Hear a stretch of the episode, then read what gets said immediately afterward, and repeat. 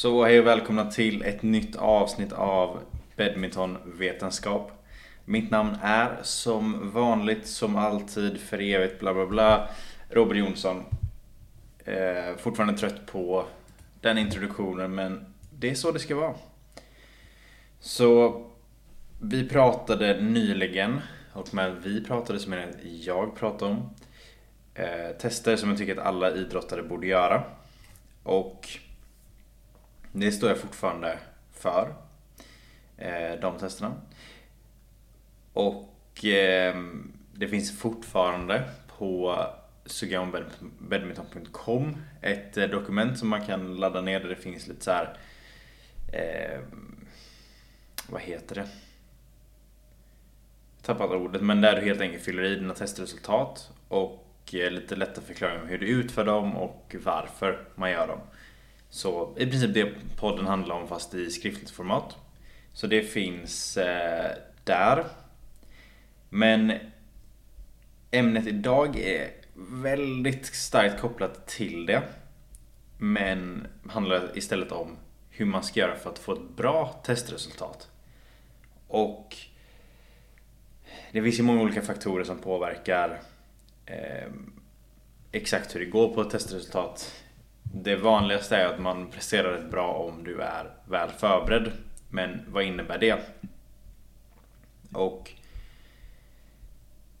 det är ju ofta då att man dels har tränat under en längre period för ett test eller i alla fall att man inte haft något träningsuppehåll.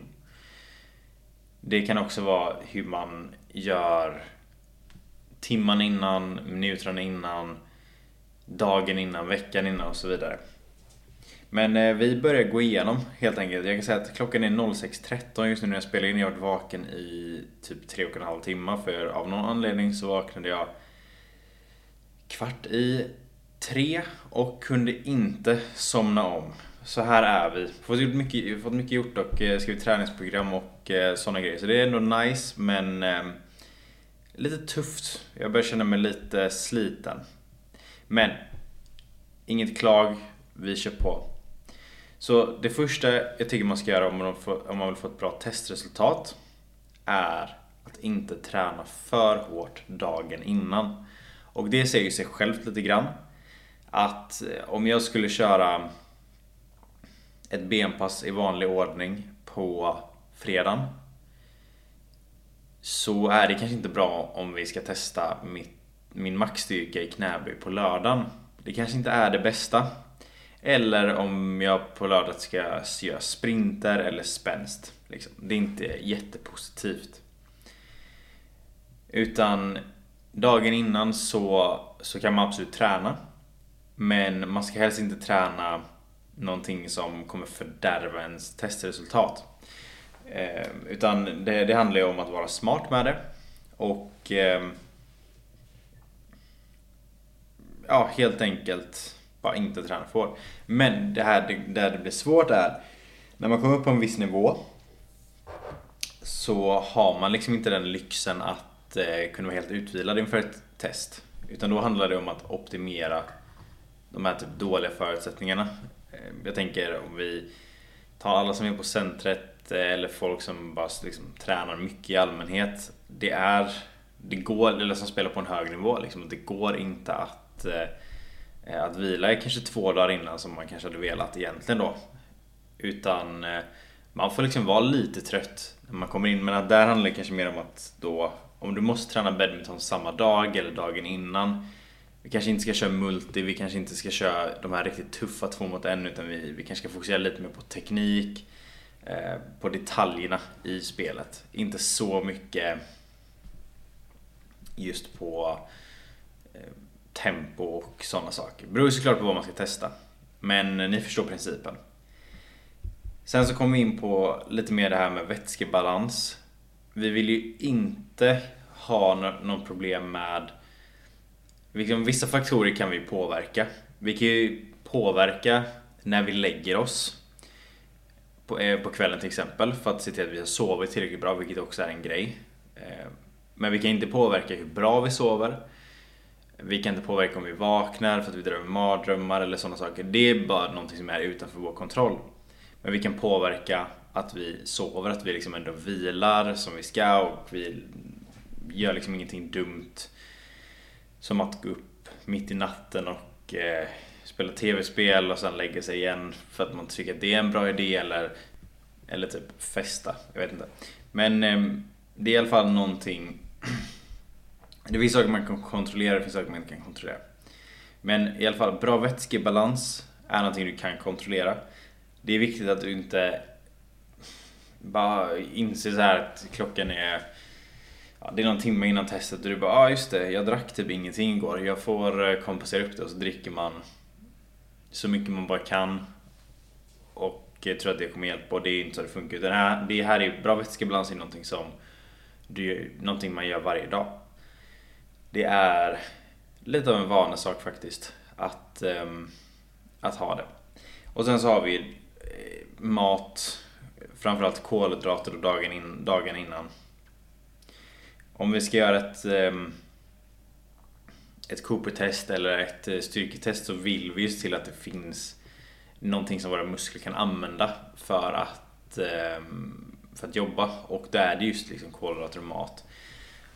Ligger vi liksom på ett kalori, kaloriunderskott så, um, så kan det definitivt eh, påverka testresultatet negativt. Även om vi har ätit lite för lite kolhydrater så kan det också påverka en del. Så att ehm, det är bara till att man vill liksom inte räkna ut det exakt på per gram per kilo kroppsvikt hur mycket man bör äta. Det är någonting som man absolut kan göra när man eh, när man kommer på en viss nivå. Men det, i många fall handlar det liksom mest bara om att man ska, man kan göra det liksom lite på känsla. Ät bra kolhydratkällor, eh, potatis. Jag har börjat uppskatta väldigt mycket som kolhydratkälla faktiskt. Så jag kan väl rekommendera det här då. Nej, men liksom, se bara till att ha ätit det ordentligt. Eh, man vill heller inte äta saker som som faktiskt också då kan kan förstöra testresultatet genom att du till exempel konsumerar alldeles för mycket fibrer innan. Det kan sätta igång tarmarna. Det kan också vara att du får i dig lite för mycket kolhydrater vilket också kan irritera lite grann. Så det, det, är liksom lite av de här grejerna. Att veta vad man hanterar. Vissa kan ju till exempel ha svårt att eh, eh, hantera laktos. Och då är det ju definitivt någonting som man inte ska experimentera med innan man ska springa ett Cooper-test för det kommer vara obekvämt och det kommer vara, ja det kan sluta illa. Men så, men så det är ändå de här liksom, lite faktorer som vi kan påverka eller som vi i alla fall kan, kan styra i, vår riktning. Och sen så kommer vi in på det som händer innan vi gör testen. Och precis som med allting annat så handlar det om hur vi förbereder oss inför. Och då har vi en generell uppvärmning som vi borde göra. Och det kan vara lätt jogging eller någonting annat för att få upp pulsen. Och eh, beroende på vad det är man ska göra så 5-10 minuter med det. Bli varm. Eh, sen så finns ju folk som gillar foam roller. Eh, inget problem med det i min värld. Jag brukade köra väldigt mycket foam roller, typ för mycket. Men det jag tyckte det var väldigt nice så att eh, om man är en sån så är det bara att köra på. Sen så någon typ av dynamisk stretching ska vi också göra, liksom bara få igång det här eh, liksom bara få igång lite rörlighet, eh, lite blodcirkulation få in smörjmedel i våra leder och senor och grejer. Och anledningen till varför man kör dynamisk stretching innan istället för statisk stretching. Dynamisk stretching innebär att du inte håller muskeln i en position över en längre period utan du till exempel eh, svingar med armarna. Så du töjer liksom i, i, i extrempositionen och sen så är det liksom inte en töjning längre.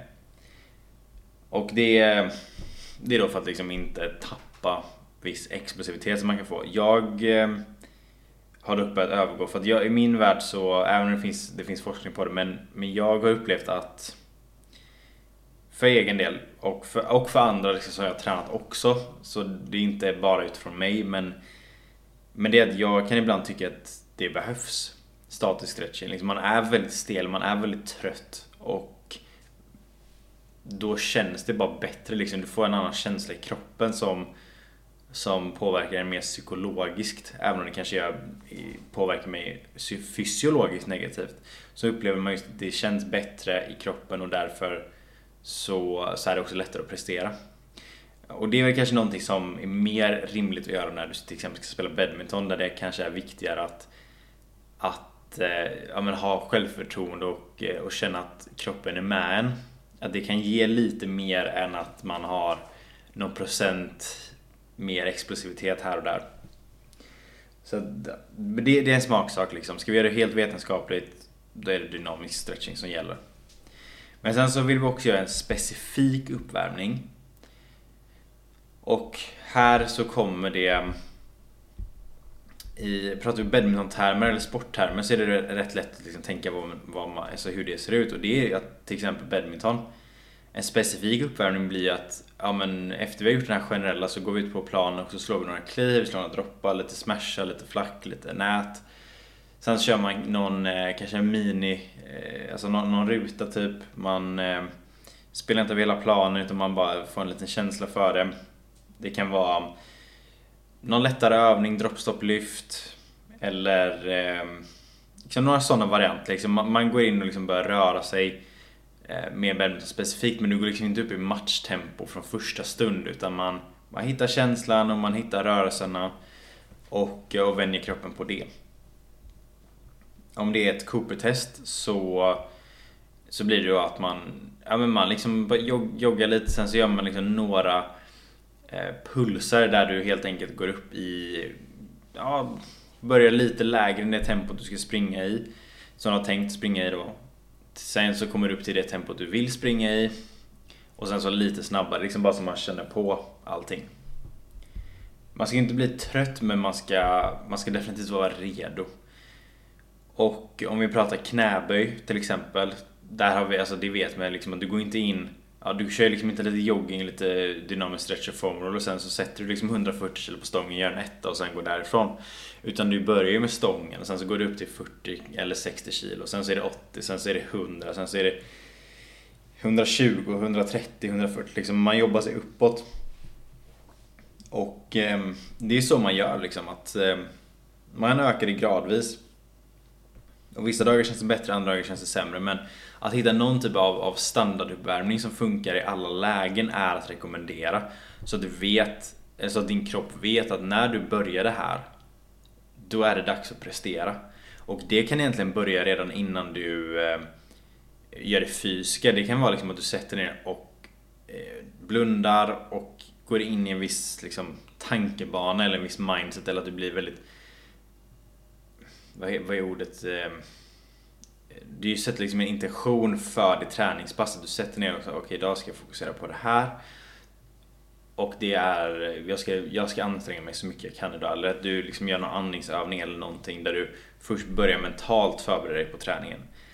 Och när du börjar med det, efter det så blir allting liksom en rutin, en ritual där du värmer upp inför din träning. Och om du gör det efter, inför varje tillfälle så har du också förberett kroppen på när det är dags att prestera. Och det blir också lättare sen att slappna av när du är klar med passet. Just för att då vet kroppen att eh, okay, nu är det över. Om du har rutin för det också då. Men eh, det finns ju också lite så här, om vi pratar om styrke, eh, liksom att komma igång med styrkan så om du vill ge ett riktigt ett RM-test så, så finns det lite olika eh, typ tabeller på hur eh, hur, eh, hur du ska liksom göra din stegring för att, in, för att inte bli för trött när du kommer till Ja men vi säger då att du, har, du, du vet att du klarar 140 kilo, det var vad du klarade förra gången i knäböj. Och då blir målet den här gången att ta 142,5. Och det blir ja, vad blir det, så 100 2 procent, vad fan blir det? 100, ja, det blir liksom lite över 100 procent av vad du tagit innan. Och då finns det en, en rätt bra tabell liksom för hur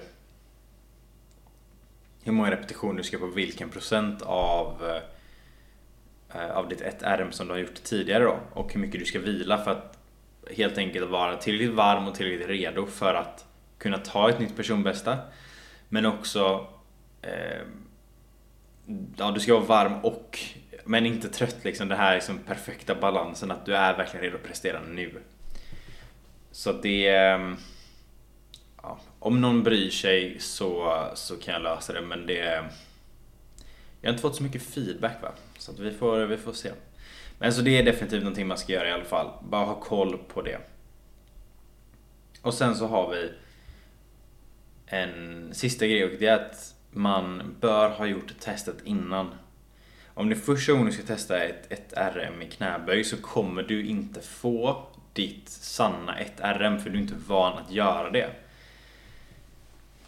Och ett RM är då one rep, max, eh, one rep max liksom. Jag är, gud vad jag märkt av min eh, tidiga morgon här.